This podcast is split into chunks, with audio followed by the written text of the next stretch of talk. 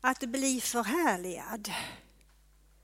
Ja, vi kanske vill ibland förhärliga oss själva, omedvetet eller medvetet, att göra oss lite bättre än vi är. Jesus förhärligad. Jesus kan egentligen inte bli bättre än han är. Men vi kanske kan få syn på lite mer vem han är och det fick lärjungarna på Kristi förklaringsdag. Och nu ska vi läsa evangelietexten från Matteus 17, vers 1 till 8. Och är det någon som har sandboken så är det på sidan 1488. Men den kommer på väggen här. Och där kommer hela, alltså början med också. De står, den står inte med i sandboken utan där står eh, bara att Jesus kom, inte att det var sex dagar därefter, men det, det hör till sammanhanget. Så vi läser hela texten. Jesus tog med sig Petrus, Jakob och hans bror Johannes och gick med dem upp på ett högt berg där de var ensamma. Där förvandlas han inför dem. Hans ansikte lyste som solen och hans kläder blev vita som ljuset. Och de såg Mose och Elias stå och samtala med honom. Då sa Petrus till Jesus, Herre, det är bra att vi är med. Om du vill ska jag göra tre hyddor här, en för dig, en för Mose och en för Elia. Medan han ännu talade sänkte sig ett lysande moln över dem och ur molnet kom en röst som sa detta är min älskade son. Han är min utvalde. Lyssna till honom. När lärjungarna hörde detta kastade de sig ner med ansiktet mot marken och greps av stor skräck. Jesus gick fram och rörde vid dem och sa Stig upp, var inte rädda. De lyfte blicken och då såg de ingen utom Jesus. Herre, vi ber att du ska bli synlig för oss på det sätt som du vill visa dig för oss. Kanske olika beroende på vilken situation vi befinner oss i just nu. Amen. Sammanhanget är alltid viktigt och inte minst i de här texterna denna texten finns, eller denna berättelsen med lite variation, finns hos både Matteus, Markus och Lukas. Och det här med sex dagar inleder, Lukas skriver om ungefär en vecka därefter. Och då undrar man, genom att tiden är angiven hos alla tre, så är det nog lite väsentligt vad det kom efter, alltså vad som kom före. Det var samma faktiskt tid som Mose fick vänta på berget i den gammaltestamentliga texten som vi läste. En viss tidsperiod och något hade hänt innan. Och då läser jag slutet på kapitel 16, alltså texten som kommer före. Och jag läser inte allt, men det handlar om att Jesus talar om sitt lidande. Och Petrus som alltid är ivrig och ofta har en kommentar, han säger ju oj detta får absolut inte ske, absolut inte, Gud är ju nådig mot dig, det ska aldrig hända dig. Petrus vill ju alltså inte bara tänka tanken att Jesus skulle dö. Och det är då Jesus säger till Petrus, gå bort från mig Satan, du vill få mig på fall. Jesus hade på något sätt en fri vilja att säga ja eller nej till det Gud kallade honom. Men han ville ju göra Guds vilja och vi vet hur det gick. Och sen fortsätter Jesus i eh, kapitel 16, vers 24 och säger till lärjungarna om de vill följa mig ska han förneka sig själv och ta sitt kors på sig och följa mig. Den som vill bevara sitt liv, han ska mista det. Men den som mister sitt liv för min skull, han ska vinna det. Ty vad hjälper en människa om hon vinner hela världen men tar skada till sin själ? Eller vad kan en människa ge i utbyte mot sin själ? Människosonen ska komma i sin faders härlighet med sina änglar. Då ska han löna var och en efter sina, efter hans gärningar. Amen säger jag er, några av dem som står här ska inte smaka döden förrän de får se Människosonen komma i sitt rike. Och sen kommer dagens text. Jesus talar om sitt lidande, han talar om att lärjungarna ska få lida. Men han talar också om härligheten. Och vi tycker att det är alltså det här med tidsperspektivet kan ju tyckas lite märkligt. Människosonen ska komma i sin faders härlighet med sina änglar. Det, vad vi förstår, fick inte de se då och det har vi inte sett än, utan det ligger även i vår framtid. Men sen säger han in i nästa sammanhang, nästa vers, fast verserna fanns ju inte på den tiden. Amen säger jag er, några av dem som står här när han talar ska inte smaka döden förrän de får se Människosonen komma i sitt rike. Och det verkar lite samma, men det är faktiskt en viss skillnad. Han talade om änglarna och härligheten. Men när han säger att de inte ska smaka döden för Människosonen har kommit i sitt rike så fick de ju se det. Guds rike var mitt ibland dem. Och genom Jesu död och uppståndelse fick de se hur Guds rike kom på ett påtagligt sätt.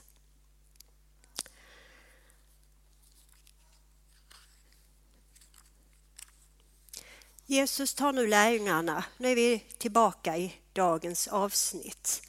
Han tar med lärjungarna upp på ett berg för att be. Och det var inte ovanligt att Jesus gick undan för att be. Och berget i Bibeln, både gamla och nya testamentet, är ofta en plats där Jesus och profeterna och andra drar sig undan för att be, för att möta Herren. Så de följde med. Sen kommer vi till detta att vem möter dem på berget? Mose och Elia. Och det verkar precis som om att ja, det var ju väldigt gott och bra och Petrus talar om att han vill bli kvar där. Och, men det verkar inte som de blir så rädda för, för Mose och Elia eller att Jesus förvandlas utan det var nog en väldigt positiv upplevelse att när Jesus bad så förvandlas han och han står och talar med Mose och Elia. Två viktiga personer från gamla förbundets tid. Vad pratade de om då? Ja, det läste vi inte om i Matteus evangeliet, men går man till Lukas så står det att de samtalade om hans bortgång eller hans uttåg, hans exodus står det. Alltså samma som andra Mosebok heter, där hela uttåget från Egypten är skildrat och där Mose då är en central gestalt. De pratar om Jesus, de talar om Jesu uttåg. Och då kan vi ju förstå på något sätt Mose roll där. Han som hade varit med om befrielse, om uttåg. Han som också på Sinai berg hade fått sett molnet, mörkret, elden, mött Guds härlighet, hört rösten.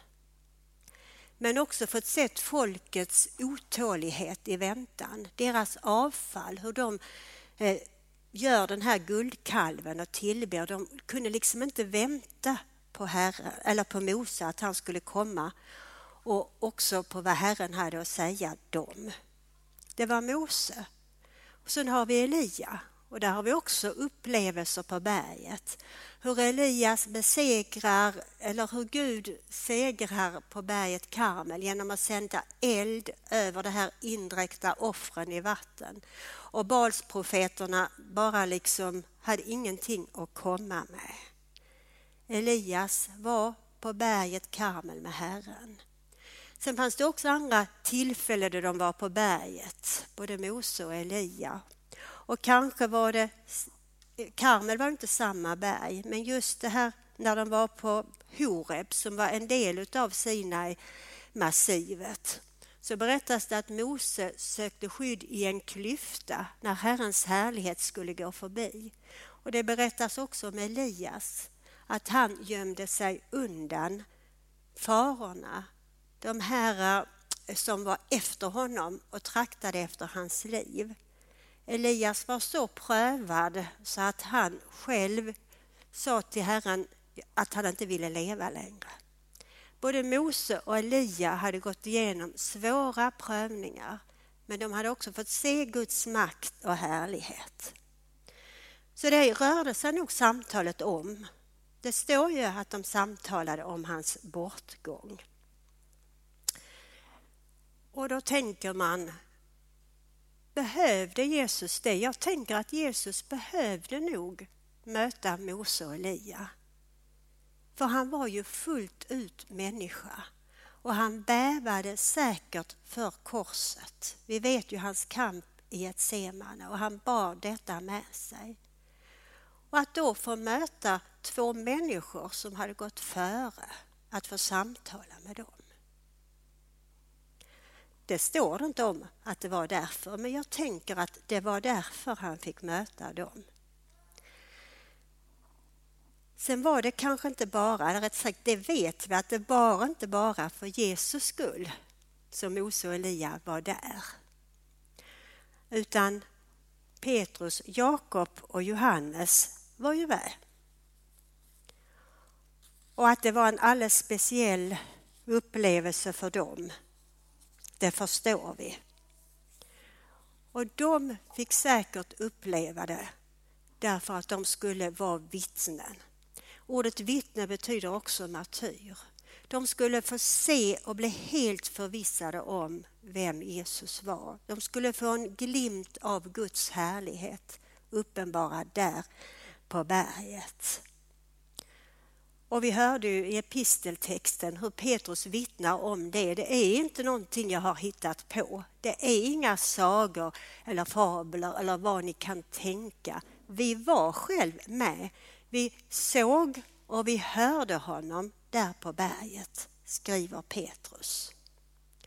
Petrus och Jakob. Ja, Jakob dog, tror vi man var den första martyren. Han behövde säkert också den här upplevelsen när han gick in i lidandet.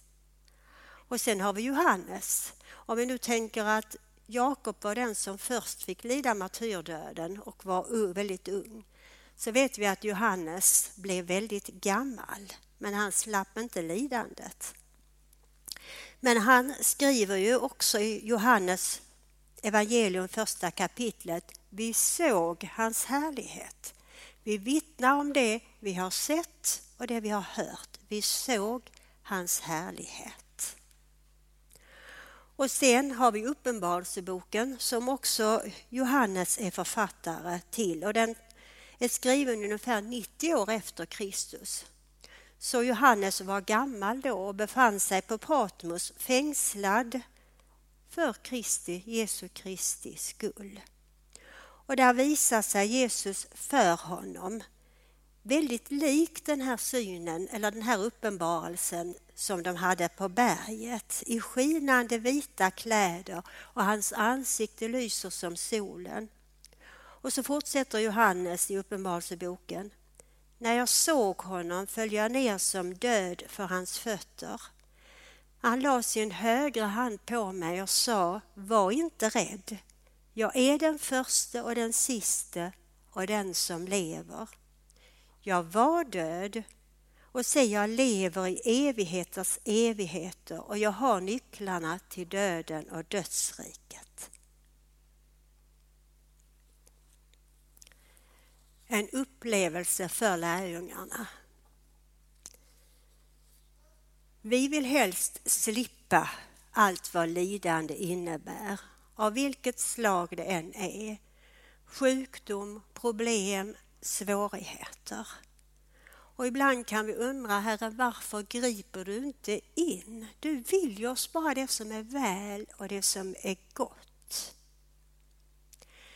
Då kan det vara bra, vi kan inte tacka och Gud begär ingenting av oss som liksom inte är naturligt för oss att tacka för.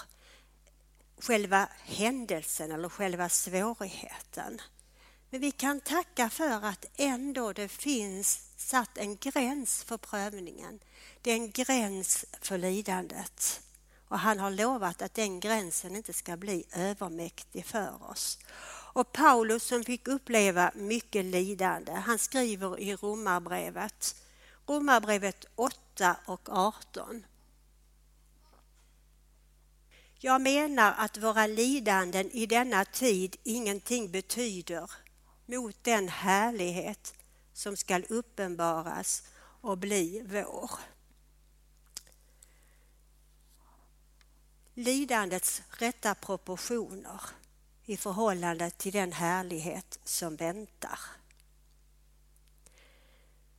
Det talas mycket om moln och eh, den här sommaren så är det kanske mer än jag som har tyckt det var härligt med molnen.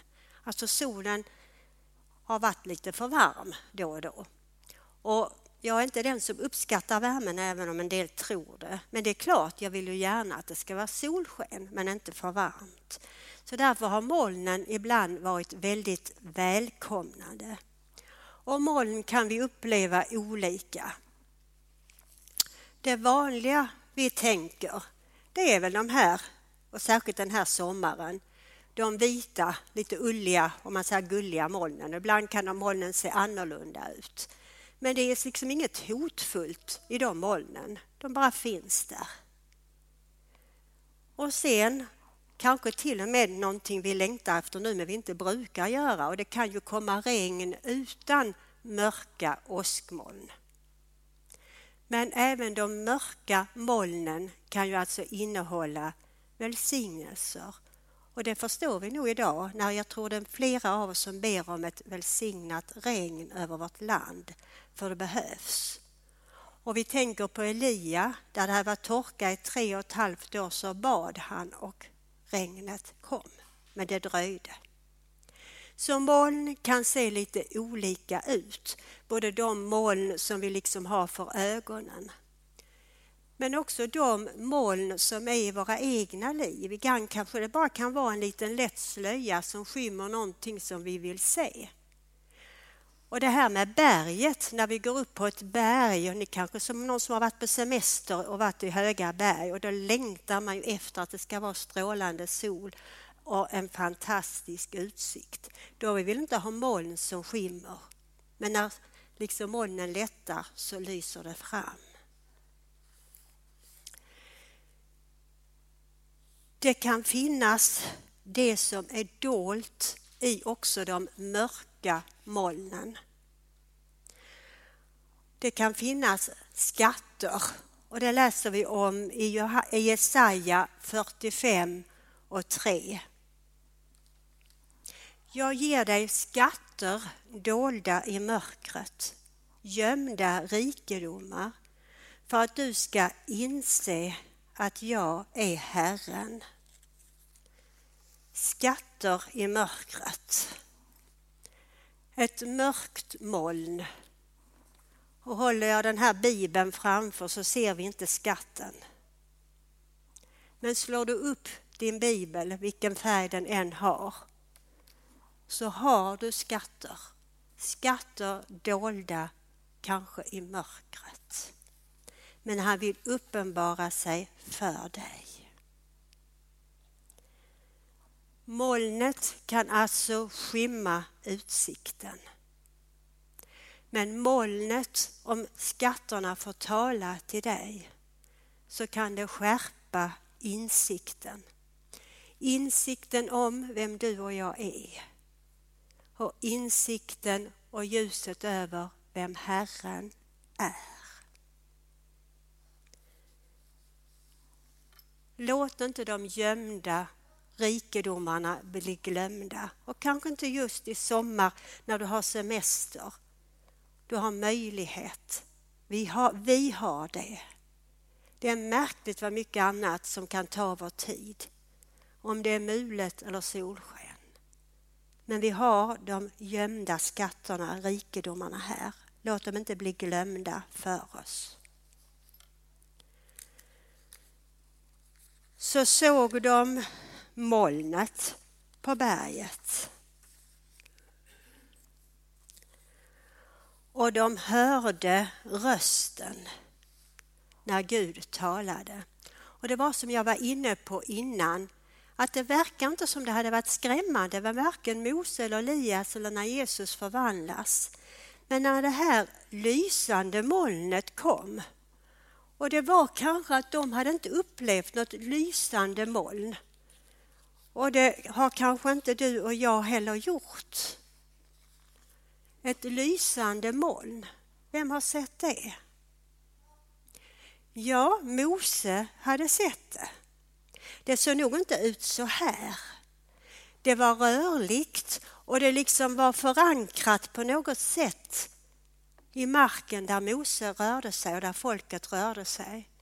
Det stod att Guds härlighet gick före dem och ibland flyttade sig så att den gick efter dem. Molnet av eld, härlighetsmolnet, var ett skydd när de gick genom Röda havet. Molnet var mellan fienden som kom efter och Moses som ledde folket före. Ett moln av eld. De hade inte upplevt detta, lärjungarna. Det skrämde dem och rösten skrämde dem. Ibland kommer Herren på ett annat sätt än vi väntar. Vi vill sitta lugna och trygga och bli uppbyggda och upplysta och upplyftade och uppleva positiva saker. Det får vi göra ibland. Men det kan också vara så att det blir kanske på ett sätt som vi inte väntar. Och när Gud talar så blir det så starkt så vi kan inte bara sitta lugnt och stilla i vår fåtölj hemma eller i kyrkan utan vi faller på marken. Och det tror jag inte så många av oss har varit med om. Och det är ingenting vi ska söka i sig. De gick inte upp på berget för att söka upplevelsen. De följde Jesus och så fick de vara med om detta. Det var märkligt. Alltså jag tänker på då Mose som gick före och molnet efter och, Elias blev ju hemtagen i en eldsvagn så han hade ju haft erfarenhet av att det här rörde sig. Jag tänker att vi vill ofta vara kanske på lugnt och stilla och tryggt på samma ställe. Men det är sällan att ett moln är precis stilla. Titta på himlen så rör sig ofta molnen. Vilket är åskmoln eller vanliga ulliga gulliga moln. Men även det här eldsmolnet, härlighetsmolnet. Men att vara i molnet, då följer vi molnet. Då är molnet med oss. Och då skyddar molnet, för Gud fanns i molnet. Han talade i molnet. Den här eldstoden eller molnstoden som rörde sig, den var ju liksom förankrad i marken. Det är ju inte heller de molnen vi ser utan de är ofta högt upp på himlen. Jag tänker på det. När vi vandrar så går vi ju liksom här på jorden. Inte upp och ner, för vi håller oss ju på jorden än så länge. Men när Gud kommer, och han talar, då är det uppifrån och ner. Han kommer ner till oss. Och då har vi ju korsets tecken. Vi har Jesus mitt i allt detta. Himmel och jord möts. På något sätt så bryter en annan verklighet igenom. En verklighet som är lika verklig fast vi inte ser den. Men i Jesus så bryter den verkligheten igenom och det är det de får se, det är det de får uppleva. Men det viktiga är inte varken molnen eller Mose eller Elia. Utan det viktiga är ju att Gud talar och att de, när liksom detta försvinner så finns Jesus kvar där. Så den här upplevelsen av molnet, av rösten, det var inte för att de skulle bli rädda. Det var för att de skulle bli beredda. Beredda att möta det som skulle komma. Ibland så får vi se någonting som har varit dolt för oss, någon verklighet. Det kan verka skrämmande. Men det kan också vara så att det är liksom bara för en kort tid. Sen är det för att vi ska vara beredda för Herren för igenom för det som ska komma. Och att då höra, att lyssna, att ta vara på ordet. Men också vara beredd på en förändring. Herren är med i molnet, men det kanske rör sig. Det Jesus gör när de blir rädda, det är också att de får beröras av honom. Han säger inte bara, om nu det är bara, för Guds ord skapar det, det säger var inte rädda, utan han tar dem vid handen och reser dem upp. På något sätt han berör dem. Och hur sker detta idag? Vi är hans kropp. Vi får hjälpa varandra, räcka varandra handen, uppmuntra varandra med hans ord, be för varandra. Och inte bara vi som är här utan också utanför våra kyrkor och församlingar. Vi får alltså leva i nuet, i din verklighet som är nu.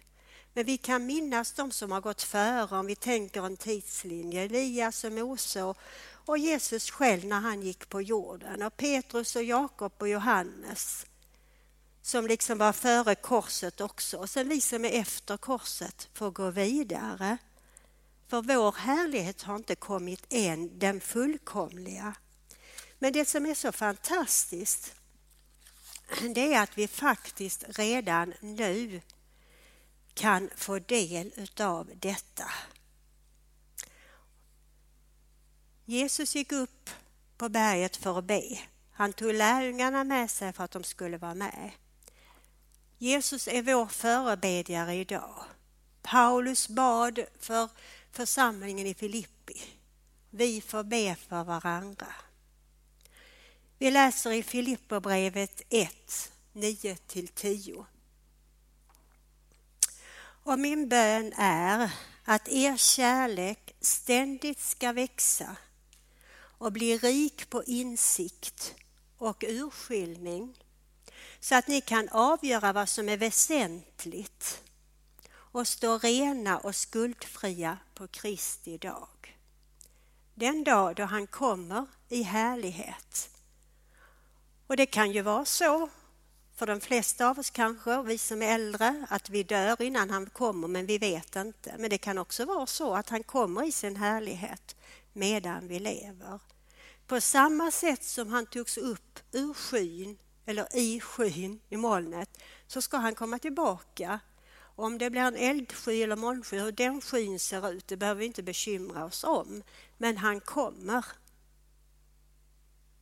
och då får vi stå skuldfria för hans skull, för korsets skull. Min bön är att er kärlek ständigt ska växa, bli rik på insikt och urskiljning. Kanske inte den här fantastiska utsiktsupplevelsen på ett berg, utan den insikt som kommer av molnupplevelsen. Så att vi kan avgöra vad är väsentligt inför framtiden, om den blir längre eller kortare för oss. Till sist en liten sammanfattning. Jesus på förklaringsberget. Det är det, han som är centrum då och vi vill att han ska vara centrum idag. Medan han bad så förvandlas han och de fick en skymt av hans härlighet. Han blev förhärligad. Han kunde inte bli mer härlig än han var, men de fick se mer av hans härlighet som kom genom hans död och uppståndelse och sen himmelsfärd. Och nu är han förhärligad fullt ut.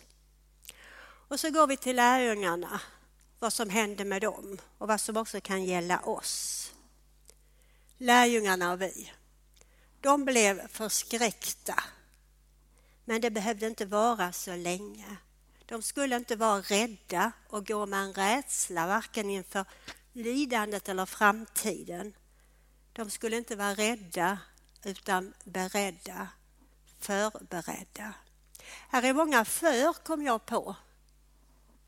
Och detta är ju också det vi får förbereda oss för det som ska komma. Vi lever i nuet men vi får ta vara på förberedelser från det förflutna för att kunna gå in frimodigt i framtiden.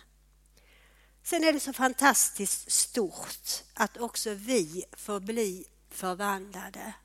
När vi är med Jesus, när vi umgås med honom och hans ord och när vi söker honom så får vi vara i den processen. Men det här med att vi ska bli förhärligade då? Gäller det oss också? Vi tar de sista raderna. I och genom Jesus är också vi förvandlade för att hans härlighet ska bli synlig. Hans härlighet kan bli synlig genom oss. Och då funderar jag på hur mycket kan det bli synligt och hur ska det ske? Det är nog ändå inte från efter vår uppståndelse och han har kommit tillbaka. Men sen faktiskt igår kväll, eller om det var i morse när jag läste texterna igen, så det är faktiskt inte med, det kommer inte med på väggen, men det sista är från Romarbrevet 8. För där står, han har skänkt oss sin härlighet. Så fantastiskt, låt oss tacka. Herre, vi tackar dig för din nåd och barmhärtighet. Att vi har ditt ord där vi får söka svaren på vad vi kan undra över. Vi har din ande som kan göra levande allt detta. Vi har din förlåtelse och vi har ännu större på det viset, allt som har hänt, ännu större anledning att vara frimodiga vittnen med det perspektiv vi har bakåt än till och med kanske lärjungarna hade. Och så vet vi inte vad som väntar. Tack för att vi inte behöver ta ut något lidande för du har satt en gräns för det om och när det kommer och du för igenom. Och vi tackar dig för att vi inte heller behöver vara bekymrade över när vi ser på oss själva och våra misslyckanden. För Herre, vi vet när lärjungarna gick ner för berget så mötte de andra lärjungar som hade misslyckats att driva ut den onda anden ur den här pojken. Då hade mörkrets makter kommit nedanför berget. Och de kände sig säkert misslyckade och kanske blev lärjungarna som kom med ner också rädda och tänkte vad är detta? Men Jesus hade makt och tack för att du drev ut den onda anden så att du redan då visade din makt och din härlighet. Tack Herre för att du är densamme idag. Tack för att du har skänkt oss dig själv. Och i och genom dig är det möjlighet med en förvandling för oss, för du har gett oss av din härlighet. Lovad vara du, Kristus. Amen.